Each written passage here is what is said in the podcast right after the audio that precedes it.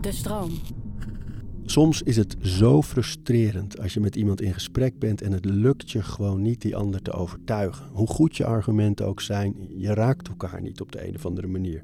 Dat gebeurt natuurlijk vaak online, maar ook in je vriendengroep of thuis of op je werk. En hoe doe je dat nou wel? Hoe voer je een gesprek dat je elkaar begrijpt, dat er iets gebeurt, dat je die ander misschien wel overtuigt, maar dat er in ieder geval echt waarde zit in dat gesprek? Dat vraag ik vandaag aan Lars Duursma van Debatrix. Hij is voormalig wereldkampioen debat. Hij begeleidt politici. Hij begeleidt mensen in het bedrijfsleven, in de media. Hij weet alles van overtuigend praten.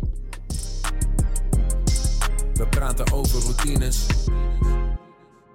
Jij adviseert en begeleidt allerlei mensen die echt spreken voor hun werk. Hè, die echt Ja. vaak verhalen moeten vertellen in de politiek, in het bedrijfsleven, eh, op allerlei plekken die belangrijk zijn. Maar de meeste van ons, die hebben een paar keer per jaar zo'n moment dat je even moet vlammen. Ja, Dat je een toespraak op een bruiloft geeft, dat je één keer iets voor je collega's moet doen. Een mooi verhaal houden op een begrafenis, eh, noem het maar op. Maar het is drie, vier keer per jaar max. Ja. Hoe zorg je er nou voor dat je op dat moment echt goed spreekt, dat je overtuigt? ja. Ik denk dat dat een goede is. Want kijk, je hebt natuurlijk een podcast over routines. Maar het is heel lastig om een routine te ontwikkelen voor iets wat je eigenlijk maar zo weinig doet. Ja. Want ja, als je elke dag wil sporten, of in ieder geval drie keer per week wil sporten, het is heel makkelijk om daar een routine van te maken. Maar ja, eens, eh, twee keer per jaar iets, eh, iets belangrijks doen, ja, dat, dat maak je er niet van. Eh, ik leg er wel altijd heel veel nadruk op. Want ik merk dat zelf bijvoorbeeld in mijn praktijk. Ik, ik begeleid mensen bijvoorbeeld bij mediaoptredens. En dat is voor de meeste mensen, verreweg de meeste mensen, ten- tenzij je een woordvoerder bent, is ook dat iets waarvan je weet van dat heb je maar een paar keer per jaar heb je dat echt nodig. Dus heel lastig om er routines in te slijpen. Maar het laatste wat je wil, is dat iemand tijdens een mediaoptreden in een stressvolle omstandigheid, op dat moment wanneer je een vraag krijgt, ook nog gaat nadenken van, oh ja, wat, wat, was ook alweer die tip die Lars eh, toen eh, gegeven had? Dus dat wil je niet. Dus een van de dingen waar ik zelf altijd heel veel nadruk op leg, is van bij, bij mediatraining werken bijvoorbeeld aan de manier waarop je goed vragen kunt beantwoorden. Maar wat nou als je ja, een bepaalde techniek probeert in te slijpen door ook bij vergaderingen of bij presentaties op dezelfde manier die vraag proberen eh, te beantwoorden? Dan krijg je ineens dat je elke vergadering kan gebruiken Als training. als training om ook, zeg maar, op het moment dat het, dat het echt telt eh, met, een, met een cameraploeg voor je, dat je het dan beter doet. En ik denk dat dat al voor heel veel mensen een manier kan zijn die, die, die hen heel erg helpt. Dus zelfs, zelfs als het niet zo vaak voorkomt, dan moet je gewoon oefenen hoe je, hoe je dat ehm, ja, structureel goed kan doen. En een van die dingen is bijvoorbeeld dat ik merk dat veel mensen vragen beginnen te beantwoorden zonder dat eigenlijk helemaal duidelijk is wat nou de vraag is. Hè, als, ik, als ik jou bijvoorbeeld de vraag stel van eh, hoe zie jij de toekomst van de fitnessbranche? En ik begin gewoon te praten Ja. zonder hem even te laten landen en echt goed te begrijpen. ja, ik denk die vraag is zo ongelooflijk breed. Ja. Hoe kan je in hemelsnaam die vraag beantwoorden? Nou, dus en wat we dan doen, en wat ik waarschijnlijk ook zou doen, is dan gewoon maar beginnen met antwoorden. En een beetje in mijn antwoord gaan zoeken naar al die zijpaden die daar ook bij horen. En dan Ja. een soort geheel te schetsen. Wat zou ik moeten doen? Nou ja, volgens mij, ehm, eh, wat, wat zijn nou de mogelijke manieren waarop je die vraag kunt interpreteren? Waarschijnlijk een vraag stellen om hem specifieker te maken. Ja, van, van, dat kan bijvoorbeeld gaan over de fitnessbranche. eh, ho- hoe die zich eh, nou ja, de komende, eh, komende jaar of drie jaar ontwikkelt. Of misschien wat is over, over tien jaar wel het, het, het perspectief. Gaat het dan over de verschillende doelgroepen die dat doen? Dat is zo breed. Dus ik zou daar altijd even doorvragen van op welke manier, of, of, of een, bepaalde doelgroep of qua, qua methode die we misschien gebruiken in, de, in, in, in fitness. Probeer daar eerst achter te komen waar iemand nou eigenlijk naar op zoek is. En als je, dat, als je zeker weet van nu begrijp ik echt wat de vraag is, dan wordt het ook veel gemakkelijker om die, om, om die vraag eh, eh, te beantwoorden. Dus, Dus, dus in een vergadering ook. Dus als, Ja. als we eh, rond een vergadertafel staan of zitten en er wordt een vraag gesteld, niet meteen beginnen met antwoorden en dan zoeken in je antwoord naar denkend de vraag ja, een beetje te omvatten. Ten- maar tenzij direct duidelijk is wat de vraag is. Hè? Want je moet niet, als, als de vraag volstrekt duidelijk is en je zegt van nou, ehm, kun je misschien nog e- even aangeven hoe, hoe je dat precies bedoelt. Dat is tijdrekken. dat is tijdrekken. Dus maar in heel veel gevallen is het niet. Maar probeer dan bedoel, probeer door te vragen: bedoel je dit of bedoel je dat? Of uh, is, is, is er iets specifiek waar je dan aan denkt? Probeer eerst door te vragen voordat je het antwoord geeft. Want dan lukt het jou vaak ook om een veel beter antwoord te geven. Nou, dit is nou typisch iets waarvan ik denk van dat, dat kan je in de media helpen. Om, om gewoon specifiek te weten waar, waar is iemand naar op zoek. Maar het kan je ook helpen bij andere settings. En gebruik nou eens elke vergadering, elke presentatie om daarmee te oefenen. En ja, dat zie ik bijvoorbeeld ook in, in, bij verkiezingen. Je hebt de, afgelopen tijd heb je dat heel veel um, lijsttrekkers speeches zijn gaan geven. En dan geven ze zo'n congrestoespraak of een hele belangrijke toespraak. En je zou denken dat politici dat heel vaak doen. Maar eigenlijk doen ze dat helemaal niet zo vaak. Hè? De meeste lijsttrekkers die geven één, twee keer per jaar echt een hele belangrijke toespraak. En in de Tweede Kamer zijn het toch ja, kortere verhalen, meer met interactie en interrupties en zo. En een van de dingen die me altijd opviel is dat heel veel van de mensen die ik begeleid heb, die zeggen dan van ja, maar bij een congrestoespraak wil ik een uitgeschreven speech hebben. Maar in de Tweede Kamer heb ik dat niet nodig. Dus in de Tweede Kamer wil ik alleen bullets hebben. En dan denk ik van ja, dat, dat is heel dom. Want dan ben je eigenlijk het hele jaar ben je op, op de ene manier aan het, aan het vertellen. Maar echt op het allerbelangrijkste moment, wanneer iedereen kijkt, alle camera's erbij zijn, et cetera, ga je iets fundamenteel anders doen. Dan denk ik van, schrijf ook in de Tweede Kamer dan één keer per week even een verhaal uit of een passage uit, zodat je toch wat handigheid krijgt in het voorlezen daarvan. Dan, dan, dan leer je ook meer over jezelf van wat vind ik fijn, uh, welk lettertype vind ik fijn, ehm, hoe kan ik het het beste weergeven zodat het lekker leest voor mezelf. Krijg je daar gewoon handigheid in. En dat betekent dus dat op het moment dat je dan bij zo'n congres achter het spreekgestoelte staat, dat je terug kan vallen op heel veel routines die je hebt ontwikkeld bij debatten in de Tweede Kamer. Grappig zeg, dus je bent eigenlijk aan het zoeken in je alledaagse leven, in je werk, misschien zelfs privé, hoe je jezelf kunt trainen voor die paar momenten per jaar dat je echt even moet vlammen. Ja, en, en dat betekent dus bijvoorbeeld ook dat, uh, dat het heel belangrijk is om dingen beeldend te maken. Hè, dus zo'n Polaroid-foto kan jou helpen om, als je maar iets, ja, als iets op een, op een Polaroid-foto past, dan is het ook gewoon een, een direct een beeld wat, wat, wat, wat, wat, wat interessant is om te horen dat zou ik dus niet maar een paar keer per jaar gaan oefenen. Maar dit kan je ook op andere, bij andere gelegenheden kan je dat doen. Bij andere niet zulke belangrijke presentaties. Kan je misschien toch ook kijken van hoe kan ik beginnen met iets wat heel beeldend is. En ja, ik ben altijd een beetje voorzichtig om, de, om, om, om het gesprek thuis aan de keukentafel een, uh, een soort van trainingsomgeving uh, te maken. Het moet ook gewoon even ontspanning blijven thuis. Maar je kan wel proberen, als je nou nadenkt van wat, wat is nou ook leuk om te vertellen over wat ik bijvoorbeeld vandaag heb gedaan. Van nou, wat was voor vandaag nou eigenlijk als ik, als, ik, als, ik het meest opvallende van vandaag op een Polaroid foto zou zetten. Hoe, wat, wat, wat zou dan op die Polaroid staan en hoe kan je daar iets interessants omheen vertellen? Nou, als je dat in gesprekken met vrienden, met anderen ook een beetje gaat oefenen, dan wordt het op een gegeven moment veel makkelijker om beeldend te gaan vertellen. En, en heel veel mensen worstelen daarmee, om, om echt gewoon beeldend te vertellen. Dit gaat ook over overtuigen. We komen tegenwoordig natuurlijk, als het nieuws zo alomtegenwoordig is. Hè? Je hoeft er geen krant of radio of, of, platform meer alleen voor te hebben, maar het is ook nog op alle social media. Het is overal nieuws, het is overal mening. Dus we zitten bovengemiddeld vaak in situaties waarin je in gesprek bent met een ander en toch een beetje gaat proberen die ander te overtuigen. Ja. Het is een van de weinige vlakken waarop ik mezelf betrap op een beetje cynisme ook wel. Dat hm. het niet zo heel vaak lukt. En ook misschien wel niet het doel moet zijn om de ander te overtuigen van wat je gelooft dat het goede is. Ja. Um, meestal blijft het toch tegenover elkaar staan. En kun je in wederzijds respect uit elkaar gaan, maar het blijft moeilijk.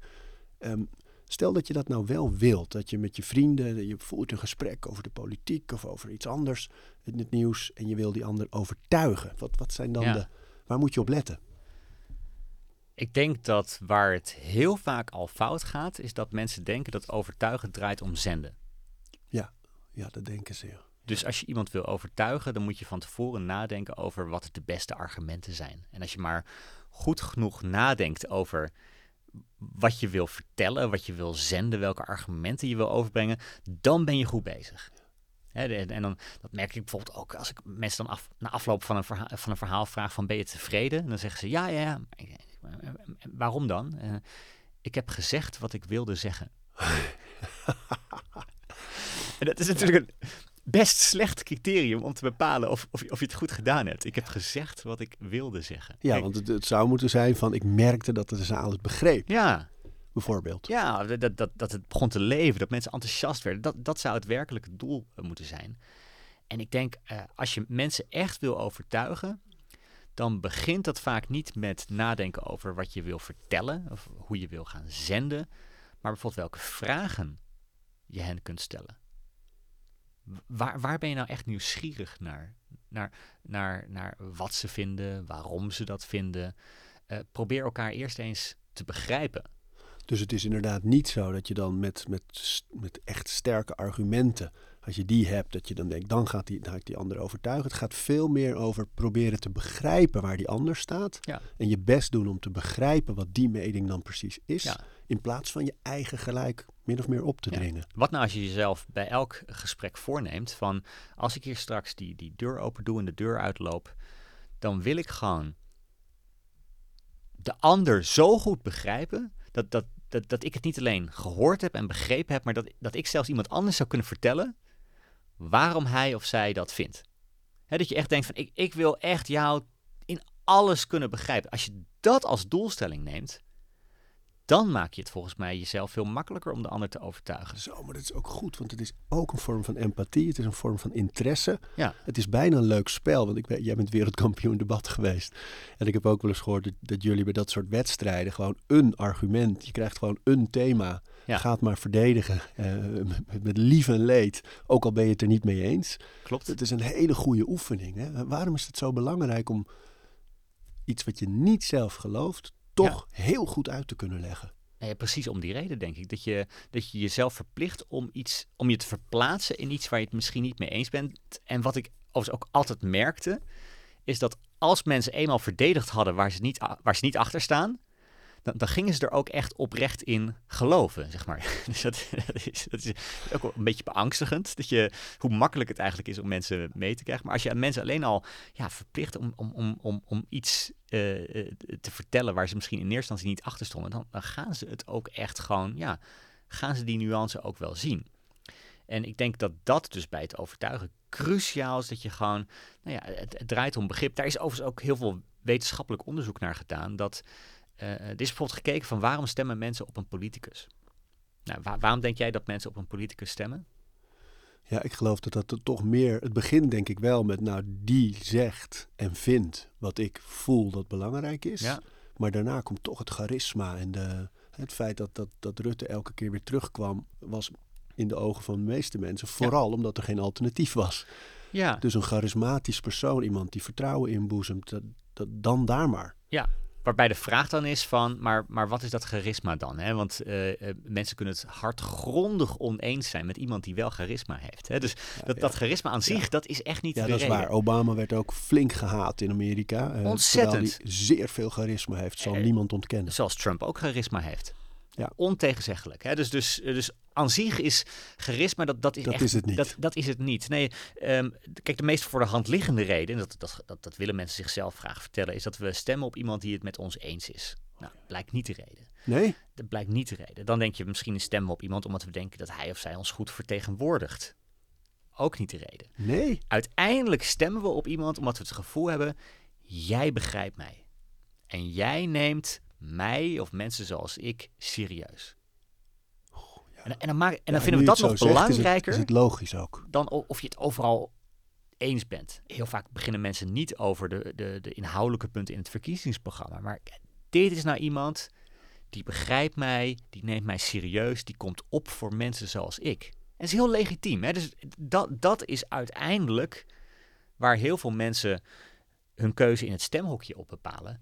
Maar dat is op heel veel andere plekken natuurlijk niet anders. Als jij eh, een gesprek hebt met vrienden, dan kan jij wel gelijk hebben. En, en misschien kunnen mensen diep van binnen ook wel vinden van ja, die Arie die heeft ook wel een punt. Maar als zij tegelijkertijd het gevoel hebben van maar Arie die kijkt wel neer op mij. Ja, dan ga je ze niet overtuigen. Want niemand laat zich overtuigen door, door iemand waarvan je het gevoel hebt van dat is nou echt iemand die op mij neerkijkt. Die, die mensen zoals ik niet serieus neemt. Dus daar begint alles. Ook in een, zelfs met vrienden dus. Moet je Ja. eerst het gevoel hebben, ja, je ziet me wel. Je, Je probeert me te begrijpen. Dat Ja. is een gezonde voedingsbodem voor, voor een vruchtbaar gesprek. Ja, maar dat, dat is toch überhaupt waar je in, in een gezelschap van vrienden naar op zoek bent. Of, of het nou heel goed gaat met je, of dat je tegenslag hebt. Je wil mensen om je heen hebben die, die dat begrijpen. En liever nog dat ze jou begrijpen dan dat ze direct tips hebben. Want die, die, die, die, die mensen heb je ook die direct zeggen van, eh, nou, ik zit hiermee, nou, misschien kun je dat doen. Ja, dat, dat- ja, nee, je bent op zoek naar iemand die gewoon aangeeft, van, nou, wat, wat, En, en wat zit dat dan in kwetsbaar? Ik denk ineens aan een voorbeeld. Ik heb eens een keer een ruzie gehad met, met een van mijn partners in het bedrijf. En, ehm, en, die, en die vloepte in zijn woede, vloepte die eruit. Ja, jij bent een ubermens en, eh, en ik doe het nooit. Zo, weet je wel? Ja. En ik voelde ineens, oh wow, eh, dat is, is dat dan echt het beeld dat je, dat je Ja. hebt? En eh, daar ben ik heel erg over na gaan denken. De- de- de- Gaat het dat, gaat het over kwetsbaarheid tonen en, en je onvolkomenheden benoemen? Of?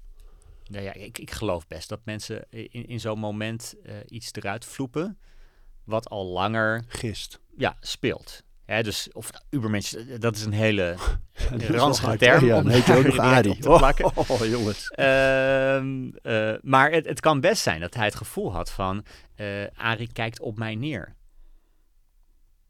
Ja. Wat En- niet zo is. Dat, nee, maar Kijk zelfs tegen hem op.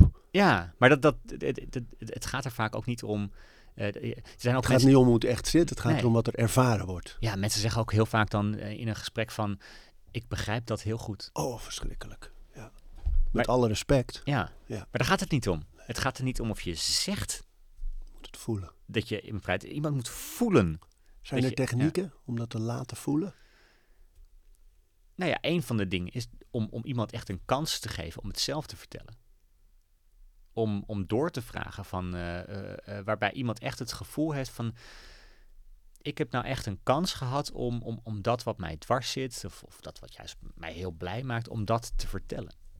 En, en dat doen heel veel mensen in, in een soort van onbeholpenheid, vaak op, op een hele verkeerde manier. Hè? Dus dat je, ik denk dat we allemaal wel die, die, die collega kennen die ehm, eh, eh, soms uit oprecht enthousiasme altijd het gesprek overneemt. Dus jij bent net, Stagehugger. ja, jij, jij, bent, jij bent net in Toscane op vakantie geweest en eh, je wil vertellen over jouw vakantie in Toscane. En dan heb je altijd die collega die zegt, oh wat leuk, ik ben daar vorig jaar ook geweest. Ben je misschien in dit plaatsje geweest en bij dat restaurant? Oh, dat was zo'n fantastisch restaurant. Dat jij dan zegt, eh, nee, oh wat zonde. En ben je daar misschien geweest? Op een gegeven moment gaat het gesprek alleen maar over de vakantie van die ander in plaats van de vakantie van jou.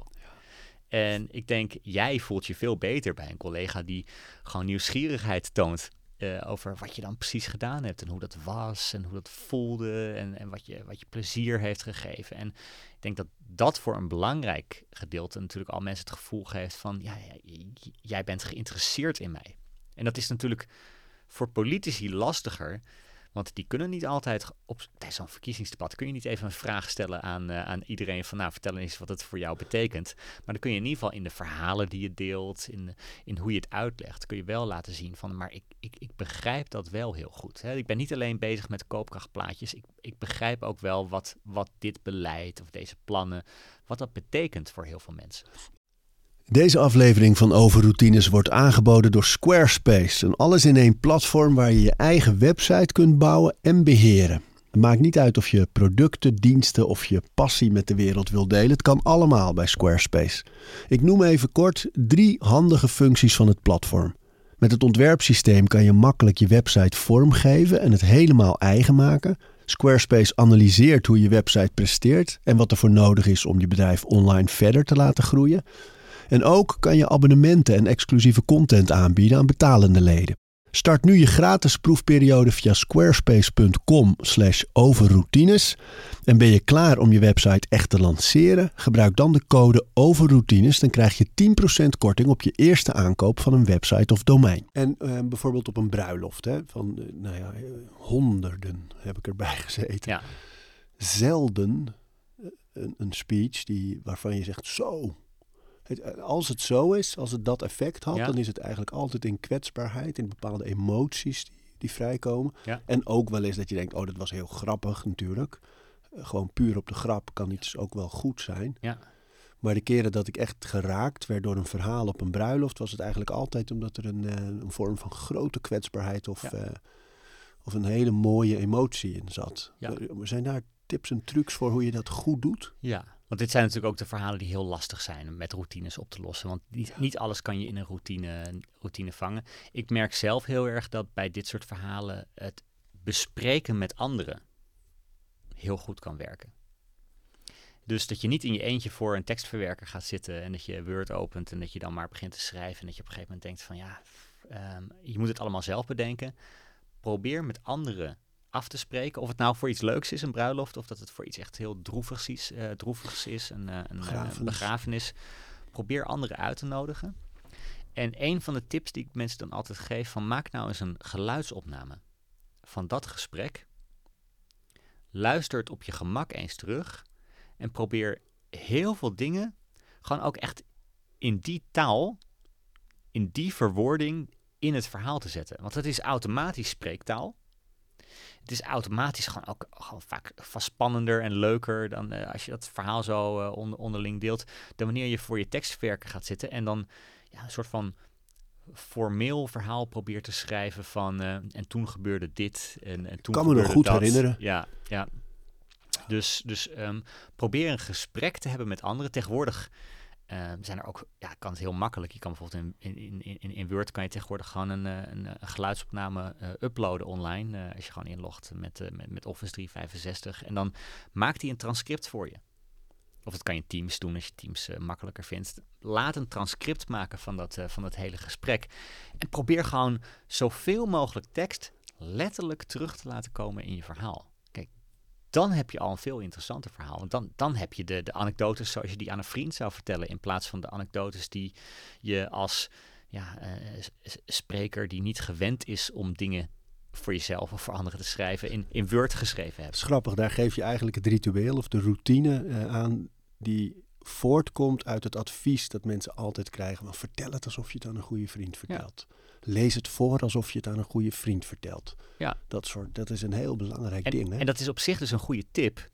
Maar mensen kunnen maar er niks mee. Nee. Want dan zit je nog steeds voor Microsoft Word. En dan denk je, ja, vertel het hoe je, een, uh, hoe je het een vriend vertelt. Als je helemaal geen ervaring hebt om het zo op te schrijven. Dus je neemt dat, dat, echte helpen. gesprek op. Ja. Neem het op en luister het terug en ga het zo opschrijven. Slim zeg. Hey, en, en de routines van het spreken zelf. Hè? Want ik, ik zie, zie, dan ook iemand op die bruiloft met zo'n pak papier staan en dan struggelen met die bladzijden. En ja. Wat zijn de routines voor het spreken zelf? Dus hoe zorg je ervoor dat je voordat je gaat spreken een beetje kalm blijft? Of dat je geconcentreerd bent, dat je je anekdotes paraat hebt? Ja. Dat je eh, die bladzijde ja. een beetje omslaat. Nou, er zijn een paar dingen die kunnen helpen. Kijk, ik, kijk, kijk vooral van tevoren van hoe je en waar je het wil voordragen. Hè. Is er een spreekgestoelte waar je tekst neer kan leggen of niet? Want kijk, het nadeel van een A4 vasthouden is dat als je een klein beetje trilt, dat dat, dat, dat enorm uitvergroot. En mensen accepteren dat ook wel bij zo'n speech als dit. Hè. Dus ik zou er niet te druk om maken. Maar als je weet dat je een spreekgestoelte hebt, dan kan je beter op A4 printen. Als je weet dat je dat niet hebt, kan je misschien net wat dikker papier gebruiken. Dat je het A5 maakt of zo. Dat je wat, wat, wat kleinere kaartjes voor je hebt. Werkt al veel beter. Dus denk daar even van tevoren na over wat is de, de setting. En een van de dingen die, die, die, die, die in, in mijn ervaring het, het grootste verschil maakt, is echt iets ontzettend simpels. Zet plaatjes in je spreektekst. En dat klinkt heel suf, want het is een tekst, je moet een tekst voordragen. Maar wat je heel vaak ziet, zeker als je grotere letters gebruikt, en dat zou ik zeker adviseren als je, als je zo'n verhaal houdt, zeker als je spanning voelt. Hè, want um, dat weten veel mensen niet. Maar als je, als je echt heel zenuwachtig bent, dan verandert je zicht een beetje. Dus dan ga je veraf ga je, ga je beter zien, maar dichtbij juist niet. Dus dan, evolutionair, denk ik, van het gevaar aan de horizon. Ja. ja. Ja. want je moet die tijger uh, van ver zien. Um, uh, maar dat heeft tot, als effect dat je bij het oefenen een tekst nog wel goed kon lezen. Maar als je dan daar op het belangrijkste moment staat, dan lijken die letters een beetje te, te, te, te zweven. Dus nou, dat kun je voor zijn door flink grote letters uh, te gebruiken. Puntgrootte 14 of zo zou ik zeker adviseren. Maar het nadeel daarvan weer is dat je op een gegeven moment acht pagina's tekst achter elkaar hebt. Nou, bij pagina 3 gaat het energieniveau naar beneden. Dan denk je op een gegeven moment van shit, misschien had ik het toch wat korter moeten maken. Dus dat energieniveau gaat naar beneden. Uh, dat kan je voorkomen door op elke pagina een plaatje te zetten waar je illustreert waar je het over hebt. Want in plaats van dat je die pagina omslaat en dat je denkt, ah, weer zo'n pagina tekst, weer een pagina, sla je de pagina om en direct denk je, ah, plaatje. Nu kan ik het verhaal over oma eh, die en die vertellen. Omdat je een, foto ziet van oma bij die tekst. En, en de grap is ook dat als jij die foto van je oma daar ziet staan, dan krijg je kleine improvisaties. Dan ga je ineens vertellen van ja, jullie weten allemaal hoe oma eruit ziet. Of je ziet die foto voor je en direct nou, gaat er ook bij jou in je, in hersenen gaat er iets uh, bruisen. Dat komt, dat komt los en je, en je deelt wat extra's. Dat maakt het een mooi verhaal. Maar dat begint dus met wat plaatjes in je spreektekst zetten. Dus als je die pagina omslaat, dat je direct, uh, dat je direct ziet, uh, nou hier gaat het om. En uh, nou ja, dingen die in de voorbereiding heel, goed, heel goed helpen. ja, het is een beetje een dooddoener, maar oefen het. En het, het, heel, veel, heel veel mensen oefenen dit soort verhalen niet goed. Terwijl je dit, ja, als je het gewoon een paar keer hebt gedaan, dan, dan, dan, dan helpt het echt. En dan krijg je ook, ja, krijg je er wat, wat, wat, wat handigheid in. Ik, ik, ik merk zelf dat voor mij bijvoorbeeld heel belangrijk is dat ik ook in een soort van flow kom als ik ergens spreek. En ik vraag mensen altijd bij dit soort momenten, en belangrijke momenten ook, van, maar wat is nou iets wat jou helpt om een beetje los te komen, om, om, om iets leuks te vinden om te gaan vertellen? En sommige mensen hebben dan van ja, even lopen buiten, frisse neus halen, dat, dat helpt mij. Andere mensen zeggen van ik heb favoriete muziek. Uh, Matthijs van Nieuwkerk die had dat bij de Wereldrijd Door. Franklin, hè? Elke, elke uitzending speelde hij dezelfde muziek om een beetje in de, in, de, in de flow te komen. Soms kan het ook helpen. dus dat je, dat je echt nadenkt van, nou, maar hoe, hoe kan ik zorgen dat ik een beetje in de juiste flow kom? En dat, kijk, dat, dat, dat is bij een begrafenis realiseer ik me ook anders. Of ook wel, is dat, is dat soms wat, wat, wat, wat lastiger om dat, uh, om dat te, te regelen. Maar vraag wel, vraag jezelf af van wat helpt mij om een beetje ja, de juiste state of mind te krijgen voordat ik dat doe, voordat je dat doet. En, en, en op zo'n begrafenis uh, zie je ook natuurlijk vaak dat mensen emotioneel worden en dat ja. ze daardoor even niet verder kunnen. Ja. Het is moeilijk, denk ik, daar technisch een tip over te geven. Maar hoe, hoe ga je daar nou het best mee om? Accepteer het.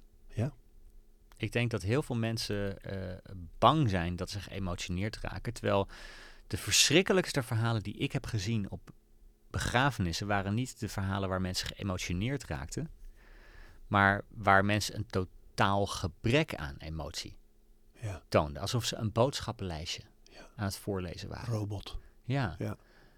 Um, het is normaal om geëmotioneerd te zijn.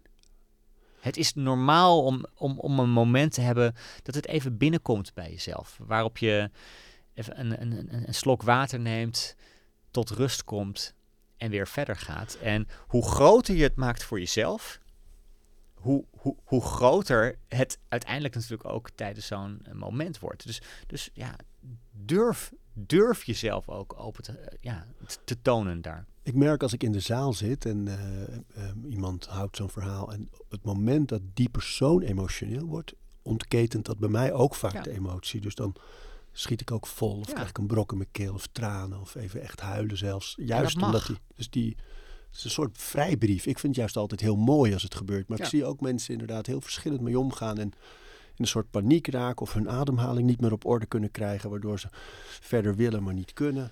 Ja, maar zorg dan ook dat er uh, een afwisseling zit in wat je vertelt. Hè? Want ik denk een van de dingen, en dat is echt typisch Nederlands. Um, een van de, wij, als, als wij naar een begrafenis gaan, dan moet er ook gelachen kunnen worden. Hè, je, wil, je wil ook gewoon leuke verhalen horen over, over degene waar het om gaat. Uh, uh, uh, gekke dingen die gebeurd zijn en zo. Dingen waar, waar, waar je met z'n allen om kunt lachen. En dat, dat is bijvoorbeeld in Nederland heel anders dan een land als Frankrijk. Waarbij de cultuur toch wel is van als iets serieus is, dan moet je er ook serieus over praten. En een grapje tijdens de, de begrafenis, dat ga je in Frankrijk uh, veel minder horen. Maar in Nederland hebben we gelukkig, denk ik, een cultuur waarbij dat ook mag. Nou ja, als je van jezelf weet, en dat is natuurlijk heel logisch dat het iets met je doet, probeer dan ook gewoon grappige, leuke verhalen uh, op te nemen. Waarvan je ook weet ja, dat, dat, dat is ook gewoon leuk. Dat, dat, dat, dat haalt die lading er denk ik ook soms een beetje uit. Ja. Zijn er rituelen of routines waar je, nou, je zei al van, hè, train jezelf in vergaderingen, train ja. jezelf in alledaagse momenten om al te leren vragen te stellen, doorvragen, goed voorbereiden, anekdotes gebruiken, voorbeelden. Ja. Zijn er nog andere dingen? Ja, ik denk dat degene die het meest gemist wordt, is reflecteren op wat je gedaan hebt. Ik denk dat je veel beter na afloop van een vergadering of een verhaal even twee, drie minuten de tijd kan pakken om te reflecteren op hoe het ging. en of er misschien nog tips zijn voor jezelf voor de volgende keer, dan dat je die drie minuten in de voorbereiding had gestopt. Want laten we wel zijn, drie minuten in de voorbereiding gaan waarschijnlijk niet het verschil maken. Maar consequent voor jezelf bijhouden. En, en dan kan je ook gewoon een, een ja, misschien een, een, een, een, memo in je, in je telefoon uh, uh, voor gebruiken of zo consequent bijhouden van wat was nou iets wat goed is gegaan, wat is iets wat niet zo goed is gegaan, is er nog iets wat je, wat je, wat je zeker de volgende keer wil proberen. Als je dat consequent bijhoudt, dan heb je op een gegeven moment, heb je na een paar maanden, heb je een hele lijst vol met dingen voor jezelf. Nou, af en toe helpt het denk ik ook als je andere mensen om feedback vraagt, dat je niet alleen naar jezelf kijkt, maar alleen al het moment voor jezelf creëren. Waarbij je reflecteert op hoe het ging. Dat is heel belangrijk. En ik probeer dat bij mezelf bijvoorbeeld op te koppelen aan een vast moment. Dus stel, ik, ben, uh, ik, ik, geef veel, veel lezingen en presentaties en trainingen en zo. Als ik dan weer of in de trein stap, uh, wanneer ik terug ga, of in de auto stap, op, op, op weg naar huis. Even twee minuten, ik zit al in de auto, voordat ik de sleutel omdraai, denk ik even na voor mezelf, nou, wat ging er goed? Wat kan er beter? Probeer dat ook bij te houden dat helpt mij om het de volgende keer beter te doen. Ja, schitterend. Ik denk dat heel veel mensen dat niet doen. Nee. Probeer meer te luisteren, uh, probeer te verdiepen in de ander. Um, probeer elke keer iets, uh, iets, iets beter te doen, maar uh, reflecteer ook heel goed op hoe het gegaan is. Want ja. dan word je er echt beter in. En in veel dingen is het zo dat als je buiten je comfortzone treedt, hè, daar, daar ligt de groei, daar ligt de ontwikkeling. Is dat bij spreken ook zo? Dat je maar een beetje jezelf af en toe ook in het diepe moet gooien voor de haaien. Uh, om er beter in te worden? Ja, tuurlijk. Ja? Ja. Ik weet van, uh, ik weet van Obama bijvoorbeeld ook dat hij, uh, hij had op een gegeven moment, en dat heeft elke politicus, een, een stump speech. Een, stump, dat is in het Engels zo'n zo'n boomstronk. Want vroeger ging je dan van boomstronk tot boomstronk, van dorp tot dorp, om overal als politicus dat, dat verhaal te houden. En je hebt dus in de politiek heb je ook iets, dat wordt ook wel een stump speech genoemd. Een soort van standaard riedel. En van Obama weet ik bijvoorbeeld dat zijn team de opdracht kreeg om elke keer iets daarin te veranderen. En dat, dat kon zo triviaal zijn als uh, de volgorde. Dus in plaats van uh, eerst het ene punt vertellen, dan het andere punt, gewoon bij een andere gelegenheid die volgorde omdraaien. Waarom? Dat houdt het spannend voor jezelf. Omdat je dan toch even moet opletten van hoe moet ik het doen. Je kan het niet perfect op de automatische piloot doen. Want als je ja, eigenlijk altijd alles op de automatische piloot doet. En, dan moet in één keer bijvoorbeeld tijdens een debat of een andere gelegenheid moet je wel kunnen improviseren. Ja, dan gaat het daar niet lukken. Dus, dus daar heeft hij bijvoorbeeld bewust nagedacht van, nou ja, hoe kan ik het voor mezelf spannend houden? Want hij wist ook van zichzelf, dan, ja, dan, dan word ik er ja, dan wordt het ook gewoon een leuker verhaal als het spannend is voor mezelf. Je blijft scherp. Ja. En, en, ik denk dat heel veel mensen dat, dat kunnen doen, ook bij presentaties. Want ja, ik, ik spreek ook veel mensen die moeten regelmatig ongeveer hetzelfde verhaal houden. Uh, omdat ze een product hebben waar ze over vertellen bij klanten of zo.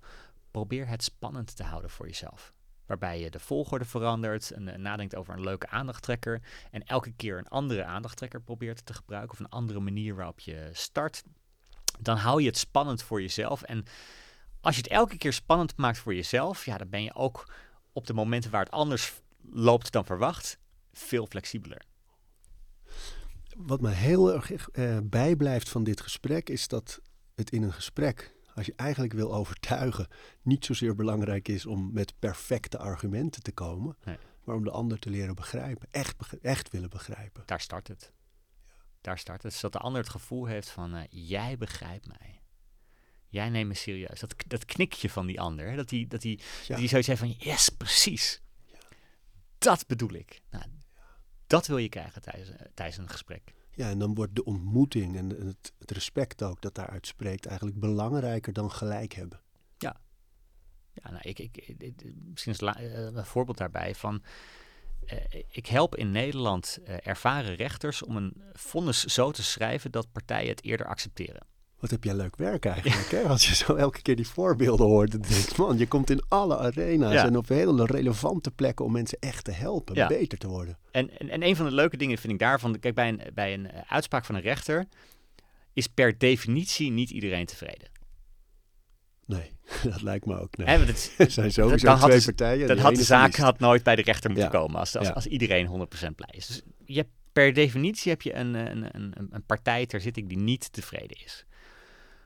Hoe kan je dan als rechter wel die partij het gevoel geven van nee, maar ik neem jou wel serieus. Ik heb wel geluisterd naar je argumenten. En dan merk je, dat zit voor een deel helemaal niet in het vonnis. Want heel vaak ehm, is het gevoel dat mensen hebben, is al gebaseerd op de zitting. Dus als jij ergens in een, in een rechtszaal staat en je hebt eigenlijk ter zitting heb je al het gevoel dat, dat de rechter jou niet serieus nam. Uh, dan, ga je, dan krijg je vervolgens per mail krijg je dat, uh, die uitspraak uh, opgestuurd. Dan ga je ook daadwerkelijk in elke alinea ga je op zoek de naar... bevestiging. Zie je wel, hè, de rechter begreep mij niet. Dus, dus, dat begint ter zitting. En dat, ik, heb, ik heb fantastische rechters meegemaakt die, die echt al nog voor de zaak begon de ander het gevoel gaven van ik ben geïnteresseerd in jouw verhaal. Dus dat, het zit in hele kleine dingen. Bijvoorbeeld, er was iemand die had, die, die, had een been gebroken. Er was een letsels zaak. En de vraag is van wie, wie is verantwoordelijk voor, uh, voor, voor, voor, het feit dat die medewerker zijn been had gebroken, de werkgever of de medewerker. En die medewerker die komt binnen en die, en die, die rechter zegt, wanneer ze ook even elkaar groeten, ah, het gips is er gelukkig weer af. En welk gevoel kreeg die medewerker op dat moment van, ah, dit is een rechter, nog voordat ik zeg maar hier was, heeft hij de moeite genomen om, om te lezen waar het eigenlijk over ging, wat er aan de hand was. De, de, rechter doet even iets om te laten blijken van, ik ben geïnteresseerd, ik weet ook dat jouw been eerst in het gips zat. Het lijkt ontzettend triviaal en klein, maar voor die medewerker hier is dat echt van, eindelijk iemand die geïnteresseerd is in mij. Joh, Lars, heerlijk. Dit is echt smullen. We kunnen nog wel tien afleveringen maken. Maar voor wie dat wil, die moet naar de Communicado's luisteren. Jouw podcast. Want het gaat ook over dit soort dingen. Hè? Hoe gebruiken mensen communicatie? Hoe brengen ze dingen over? Welke technieken gebruiken ze? Er zit veel humor in. Hm. In de podcast. Absoluut aanrader. En de Batrix wil ik even pluggen. Debatrix.com, jouw platform. Klopt. En uh, daar staat zoveel informatie op over spreken, over communiceren, over technieken, tips, tricks. Ja, want we sturen elke week een overtuigtip uh, via www.overtuigtips.nl. En al die oude tips die staan gewoon nog online. Dus je kan iets, echt iets van duizend gratis artikelen kan je vinden op, uh, op de site. Leuk man. Ja. Dankjewel, Lars Duursma. Graag gedaan. We praten over routines Dankjewel voor het luisteren. En voordat je weer doorgaat naar andere dingen, wil ik je nog even wijzen op Over Inspiratie. Dat is het mailtje dat ik elke donderdag rondstuur met drie tips. Dingen waar ik zelf veel aan gehad heb. Kunnen producten zijn, artikelen die ik gevonden heb online, onderzoeken uh, Instagram-accounts, podcasts, boeken, van alles eigenlijk. En ik denk dat je daar zelf ook veel aan kunt hebben. Dus vind je het leuk om dat mailtje elke week te ontvangen? Dan kun je je opgeven op ariboomsma.nl onderaan de pagina. Dan krijg je voortaan elke donderdag in je mailbox over inspiratie.